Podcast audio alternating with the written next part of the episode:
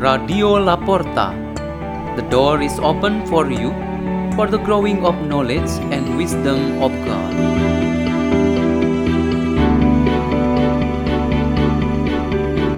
Delivered by Bellatrex and Callista from St. Peter's School in Jakarta, Indonesia.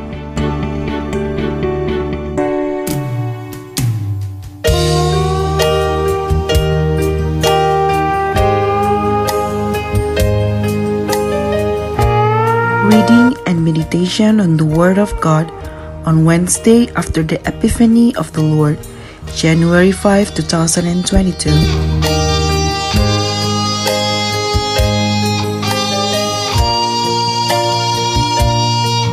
The reading is taken from the first letter of John.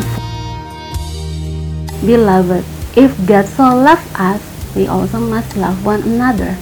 No one has ever seen God, yet if we love one another, God remains in us, and His love is brought to perfection in us.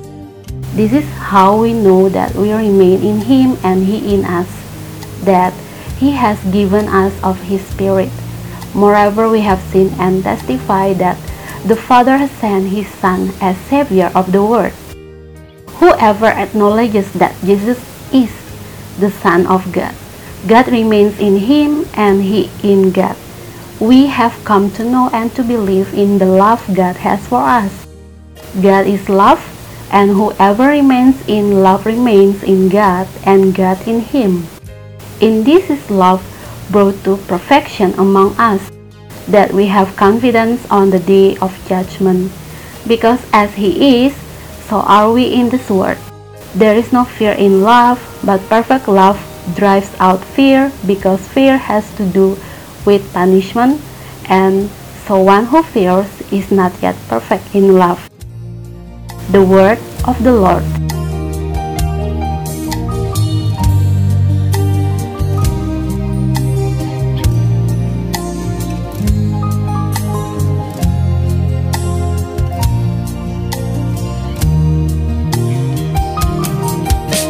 The theme for our meditation today is Seeing God. For people who had lived in the same time of the Lord Jesus, seeing God or seeing Jesus Himself should be a reality. Meanwhile, the period after Jesus rose from the dead and ascended to heaven, the vision of God no longer happened with the eyes of the body, but with spiritual eyes and with faith.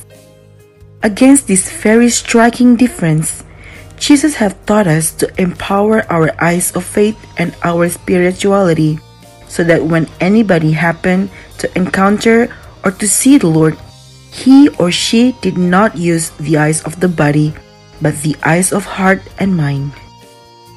One of the ways to see God not with bodily eyes was like a child who wanted to see God but could not do anything by himself. He asked his mother, Mama, what is God like? His mother was a little confused to answer him. She thought for a moment, then she found the answer. She brought the child closer and hugged her tightly with affection. Then she said to her son, The God you want to see is like that.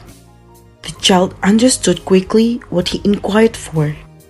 He was aware of his faith that the God whom he believed in should be the one with all goodness and compassion, and he experienced all through his parents.